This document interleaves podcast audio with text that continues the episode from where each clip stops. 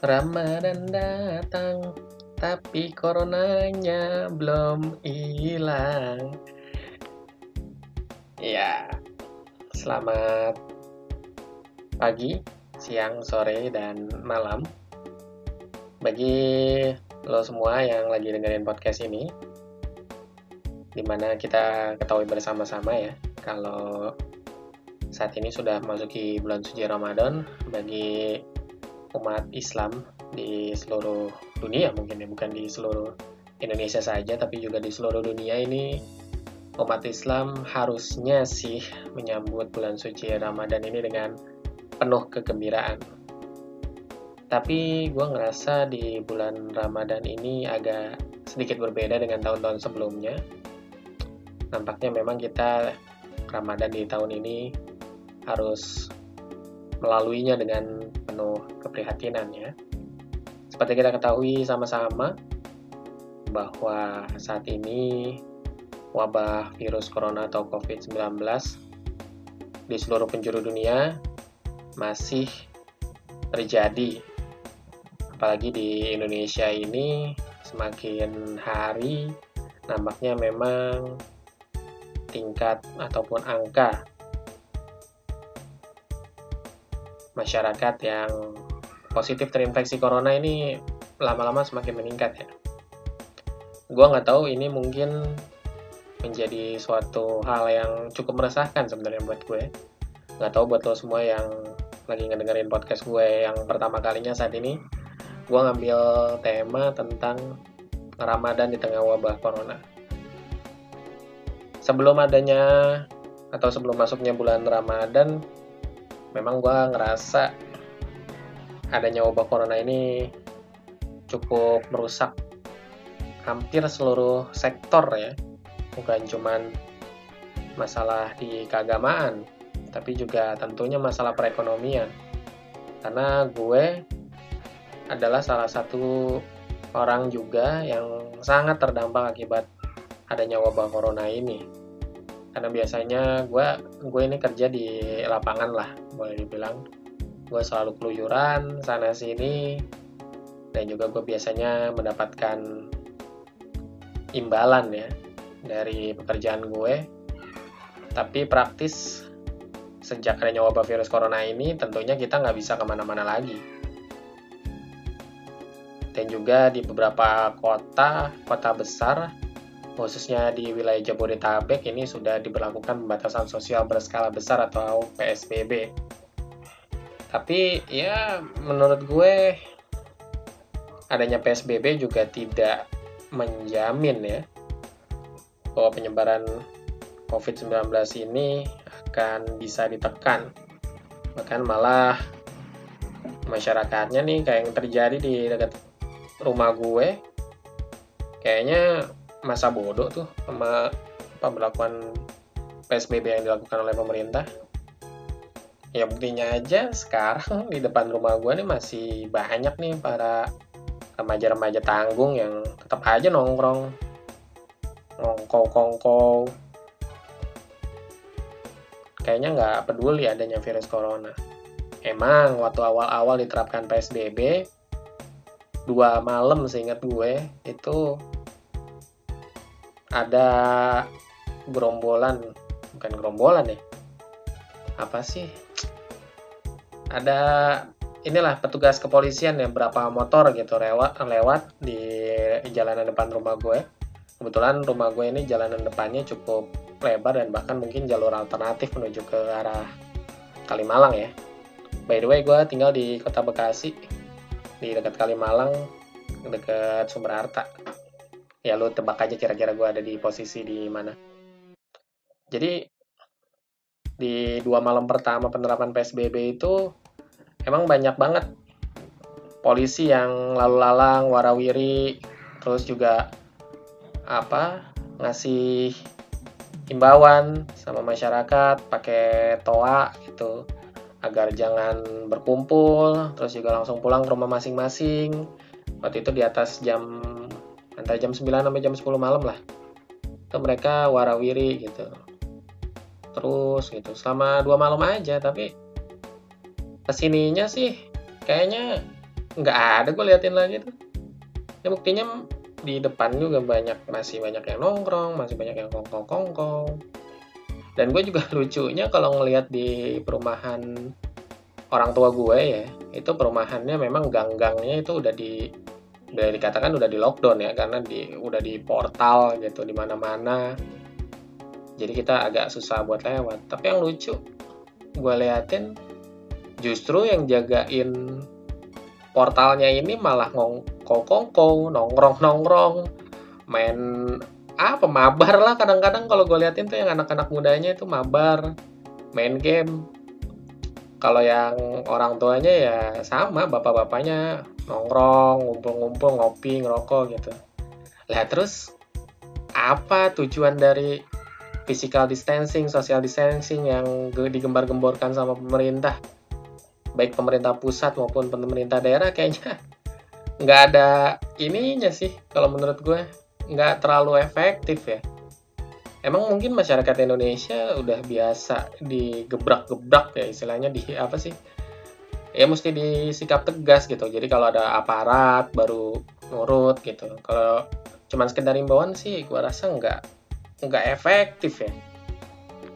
Gua kalau ngelihat juga masih banyak yang nongkrong masih banyak yang keluyuran malam-malam gitu kan.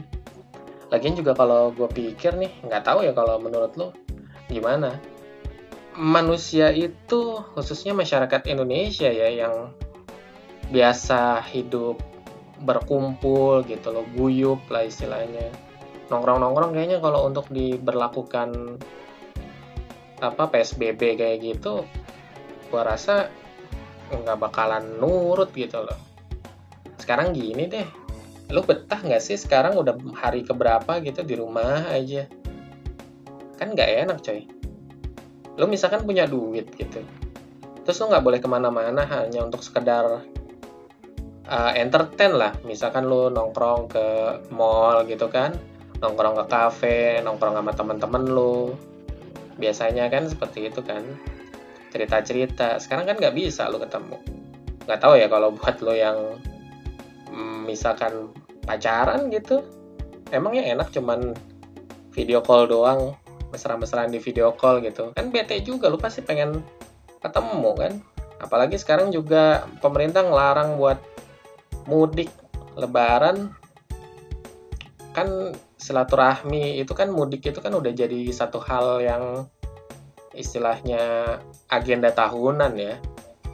Kayaknya juga lo semua yang mudik rela-relain setahun sekali buat ketemu keluarga di kampung gitu sanak saudara. Tapi sekarang lo nggak nggak bisa mudik kayaknya gimana gitu nggak perlu ke mudik lah. Contoh aja kayak sekarang nih gue bulan puasa ini kan juga udah apa istilahnya ini kan juga puasa udah jalan berapa hari ya. Itu gue miris ngeliat nggak ada lagi tuh yang namanya canda anak-anak untuk semangat gitu kan. Riuhnya anak-anak yang semangat mau jalan ke masjid, ke musola buat trawe gitu loh. Bercandanya anak-anak yang rusuh kalau trawe, perang-perangan sarung, perang-perangan petasan, itu nggak ada. Ya cuman sih gue alhamdulillah ya di musola dekat rumah gue masih menyelenggarakan teraweh meskipun sekarang ini terawehnya yang biasanya 20 plus 3 witir sekarang cuma 8 plus 3 witir jadi lebih dipercepat dan juga tetap diterapkan social distancing. Terlepas pro dan kontra, gue sih agak agak aneh gitu loh ketika gue sholat ada jarak gitu di antara di safnya itu bolong-bolong itu rasanya gimana ya? Agak aneh juga. Gue nggak tahu deh gue nggak terlalu pinter-pinter amat masalah agama. Mungkin lo punya pendapat lain. Tapi kalau menurut gue sholat jamaah dengan dikosong-kosongin gitu rasanya apa ya? Rada aneh aja menurut gue. Nggak tahu lu punya pengalaman gak sih di tempat rumah lu? Apakah memang tetap ada gitu loh teraweh berjamaah atau bahkan masih ada juga yang tetap sholat jumatan ya menggelar jumatan di masjid dekat rumah? Kalau gue sih kalau jumatan di rumah kayaknya udah nggak ada di, di masjid. Soalnya di rumah gue ini daerah rumah gue memang kebanyakan musola kalau untuk masjid gedenya itu itu bisa kehitung jari deh di sekitar rumah gue paling cuman ada tiga. Dan tiga-tiganya tuh kayaknya nggak menggelar jumatan ya karena adanya wabah corona ini. Jujur gue mungkin nggak bukan orang yang taat-taat banget beragama. Sholat gue juga masih belang bentong tapi jujur aja gue udah cukup kangen gitu loh dengan adanya jumatan gitu kangen gue sejujurnya. Walaupun ya nggak munafik lah. Gue juga jumatan masih kadang-kadang suka kelewat kadang-kadang males gitu. Tapi sekarang dengan adanya psbb ini kok gue kangen ya? Gue pengen tahu deh masjid yang masih ada jumatan di mana gitu. Kalau teraweh sih mungkin ya makanya gue bersyukur di musola dekat rumah gue masih ada teraweh dengan aturan yang ketat dan sesuai anjuran pemerintah ya tentunya. Karena gue kemarin sebelum puasa itu gue membayangkan gue harus menjadi imam sholat di rumah gitu kan. Itu gue apalan surat-surat pendek kayaknya mungkin masih belum terlalu bagus. Apalagi nanti kalau gue jadi imam sholat ya. Yang ada bacaan gue ngulang-ngulang mulu lu. Nggak tahu deh. Uh, eh, gue sih nggak nggak cukup pede untuk melakukan hal itu ya. Tapi ya bersyukur aja sih. Dan juga gue kemarin sempat membayangkan gimana kalau bulan Ramadan ini jalanan sepi nggak ada yang jualan takjil gitu kan. Gue sempat membayangkan hal itu tapi ternyata gue baru aja tadi balik dari Jakarta ya dari kawasan Menteng balik ke Bekasi. Ya alhamdulillah masih cukup ramai lah orang-orang yang jualan takjil gitu kan. Jualan kolak terus jualan gorengan. Apalagi sih kalau makanan-makanan ya pokoknya makanan buat berbuka puasa lah ya. Itu di beberapa tempat tetap aja sih masih ramai makanya gue mikir nih PSBB juga diterapin percuma masyarakat juga butuh memenuhi kebutuhan dasar hidupnya terutama kebutuhan makan ya. Nah sekarang lo punya duit terus warung-warung pada tutup nggak ada yang jualan lu mau makan apa? Lu mau beli beras dari mana? Ngarepin bantuan dari pemerintah kan ya lu tau lah birokrasinya kayak gimana pemerintah ribet gitu. Di masyarakat juga kan maunya disuapin terus gitu kan. Dan juga kadang-kadang kitanya juga kalau gua ngeliat banyak yang nggak tahu diri juga gitu loh. Yang kayaknya mampu tapi tetap nyari buat bantuan gitu loh. Berisik untuk nanyain ini mana nih? Kok nggak ada bansos yang datang ke rumah saya? Banyak yang kayak gitu kan.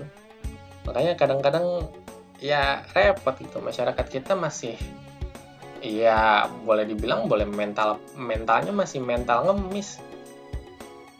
Biar kata udah rumah bagus itu lo punya mobil. Tapi yang namanya kalau udah dapat bansos ya pasti diterima lah.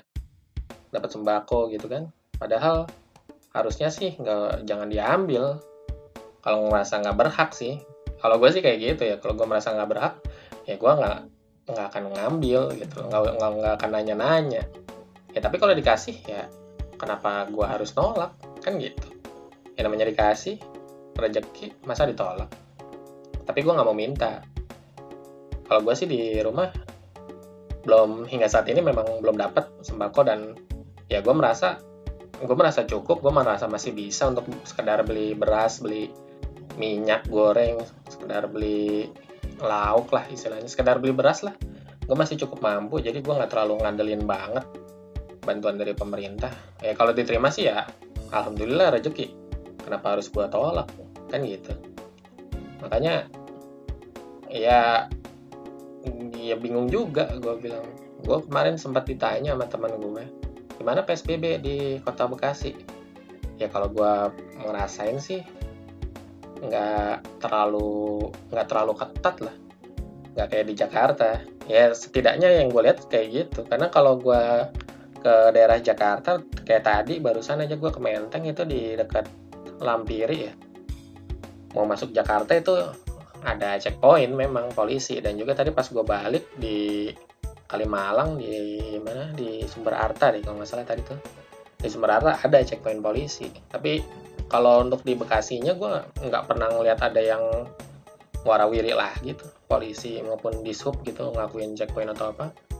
Kagak ada jadi ya gue rasa nggak cukup efektif untuk penerapan PSBB ini.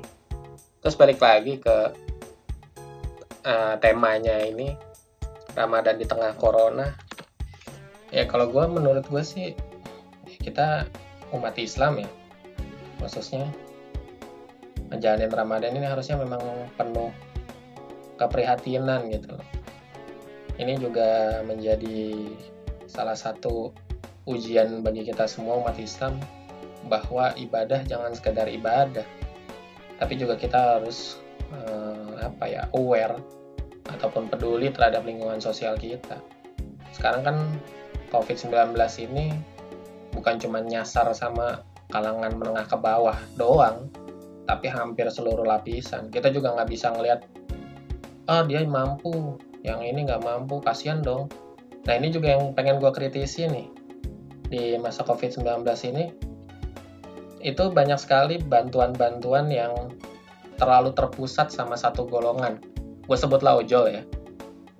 Padahal menurut gue yang nggak ada yang salah sih memang uh, para pengemudi ojek online ini memang salah satu kalangan yang terdampak banget dari penerapan PSBB ini kan mereka kan udah nggak bisa ngangkut penumpang lagi sekarang cuma bisa nganter barang ya gue nggak mempermasalahkan hal itu tapi menurut gue kalian yang punya uang atau kalian para donatur dan para dermawan yang ingin memberikan bantuan, mbok ya jangan hanya fokus sama tukang ojol doang, karena yang terdampak bukan cuma tukang ojol doang. Gitu loh. Ada supir angkot ada pedagang kaki lima lalu juga ada guru-guru ngaji juga loh. Mereka kan pekerja harian lah gitu loh nggak nggak cuma guru ngaji doang maksudnya semua pekerja harian lah. Eh, terus uh, apa buruh cuci mungkin terus buruh bangunan yang dibayarnya per hari. Kan sekarang project-project atau apa gitu udah nggak ada. Pedagang asongan yang keliling tuh yang suka keliling ke perumahan-perumahan kan sekarang nggak bisa keliling lagi karena perumahan udah ditutup semua gangnya portalnya. Itu maksud gue yang gue kritisi kemarin tuh kayak gitu. Kita tuh bukan cuman uh, apa masyarakat Indonesia itu bukan cuman ojol doang. Walaupun mereka mem juga memang mas uh, menjadi salah satu uh, apa kalangan yang terdampak. Benar gue setuju hal itu. Tapi ya jangan cuman merhatiin ojol doang dong gitu. Kasihan yang lain juga yang butuh para pedagang asongan pedagang kaki lima supir angkot dan lain-lain. Tuh jadi kita juga dalam memberikan bantuan ya jangan hanya terpusat di satu yang ada nanti adanya kecemburuan sosial gitu kan. Kenapa sih cuma merhatiin di satu golongan aja? Gitu loh. Ya kalau gue sih berharap wabah ini segera berakhir walaupun memang menurut para pakar bahkan WHO sendiri pernah ada statement yang gue baca dari berita ya. Kita juga harus cari-cari informasi yang benar ya. Jangan sekadar menyebarkan apa sih pesan berantai dari WhatsApp tuh gue paling sebel banget tuh. Kayak kita tuh nggak punya otak gitu. Maksud gue nih orang yang demen banget nyebar-nyebar broadcast WhatsApp itu dulu waktu di bagian otak dateng nggak sih itu nggak ada filter sama sekali main share gitu. Ya kita hati-hati lah kalau untuk itu. Masa sih kita punya smartphone gitu ponselnya dong yang pinter tapi kitanya blow on gitu loh. Jadi gue sih berharap di wabah corona ini bukan cuma di Indonesia sih di seluruh dunia.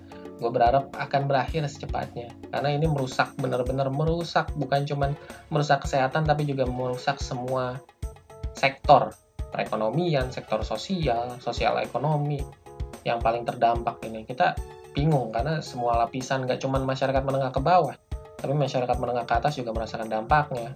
Para pemilik modal juga investor kan yang punya perusahaan-perusahaan juga harus tutup gitu. Loh terus juga yang punya uh, industri juga nggak melakukan apa-apa. Ini kacau kacau banget gitu loh.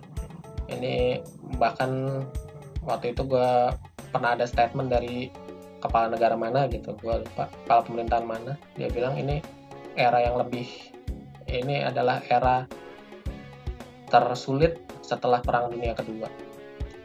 Gue berharap COVID-19 ini akan segera berakhir tidak lama lagi ya. Walaupun menurut sejumlah pakar nampaknya COVID-19 ini akan terus berlangsung hingga pertengahan tahun bahkan paling buruk adalah akhir tahun alias Desember 2020 baru wabah ini benar-benar hilang karena ditemukan vaksinnya. Tapi tentunya kita semua juga berharap hal ini nggak terjadi. Mungkin gue juga ngajak lo semua yang ngedengerin podcast gue juga sama-sama berdoa. Walaupun gue juga bukanlah orang yang taat banget dalam beragama, gue nggak peduli agama lu apa, yang penting lu beragama dan lu meyakini bahwa Tuhan itu ada. Gue minta sama lu semua di yang dengerin pada kali ini di podcast pertama gue untuk sama-sama kita berdoa. Apalagi kalau lu muslim, kalau lu beragama Islam, sekarang ini adalah waktu yang paling tepat karena ini adalah bulan suci Ramadan, bulan yang penuh berkah, penuh rahmat, kita sama-sama berdoa agar COVID-19 ini segera berakhir dan lenyap dari muka bumi secepatnya. Karena apa? Sekali lagi, bencana ataupun wabah COVID-19 ini menjadi bencana yang paling merusak segala sendi-sendi kehidupan masyarakat, baik secara sosial, ekonomi, dan juga sektor-sektor yang lainnya. Mudah-mudahan lo semua mempunyai hati nurani. Gua nggak minta lo untuk menggalang dana, gua nggak minta lo buat menjadi donatur, gua nggak minta lo menjadi pahlawan. Cukup kita bantu semampunya. Kalau nggak mau, kalau lo bisa untuk berdonasi, silakan itu lebih baik. Tapi kalau lo memang nggak punya apa-apa, tolong gue minta lo agar kita semua sama-sama berdoa demi hilangnya wabah corona di muka bumi ini. Oke, terima kasih yang udah mendengarkan. Selamat, selamat apa ya? Ya, selamat mendengarkan episode-episode gue yang lainnya.